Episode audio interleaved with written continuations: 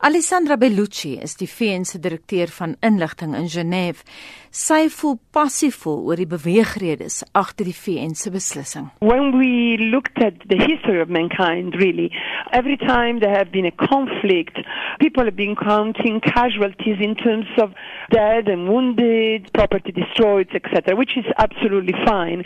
But there was an aspect of conflict that was not taken into consideration and it was the environment. It was really the unpublicized victim of war. En voorbeelde van die effek van oorlog op die omgewing is legio. You can have water wells which are polluted, you can have uh, crops torched, forests cut down, landmines introduced in fields that cannot be labored anymore, and so on and so forth. So the reason for this day was to give visibility to these aspects of conflicts and raise awareness among countries of the need of preserving environment in conflict situations. Alhoewel die effek van konflik op geboue en die omgewing dadelik te sien is, is dit moeilik kwantifiseerbaar, anders as byvoorbeeld die dodetal wat makliker bepaal kan word. There are so many elements that get into consideration. If you put landmines in a field, how do you actually quantify what does it cost? I mean, on one side, of course, you can establish the cost of demining the same field. This we have because the United Nations so do this and other NGOs do this. But how do you, for example, establish the cost, the economic cost of people that have to flee those lands because they cannot put crops anymore. They cannot sustain themselves in that area. So this is a very difficult calculation to be done. Een deel van die Verenigde Nasies se veldtog is die skep van bewussyn oor 'n probleem.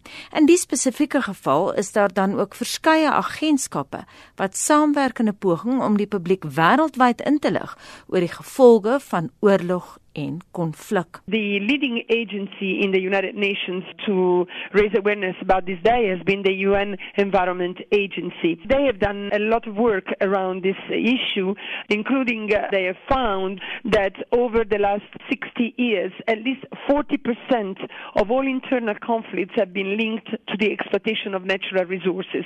And conflicts involving natural resources has also been found to be twice as likely to relapse. Maar is ook belangrik om die soort konflik in die eerste plek te vermy omdat 'n gebroke omgewing dekades kan vat om te herstel. There has been, uh, and this I think is quite important, quite a few partnerships that have been extremely helpful to the United Nations in order to tackle these problems. For example, six United Nations agencies and departments have been partnering with the European Union to help countries identify, prevent, and transform tensions over natural resources. I'm sure you are aware of the fact that our new Secretary General, Antonio Guterres, who has taken his functions at the beginning of this year, has put a very heavy accent on conflict prevention. Die VN plaas ook spesiale fokus op vroue in konflik en oorlogsgebiede omdat hulle so dikwels die eerste slagoffers is wat hul lewens elders moet probeer voortsit. We need to have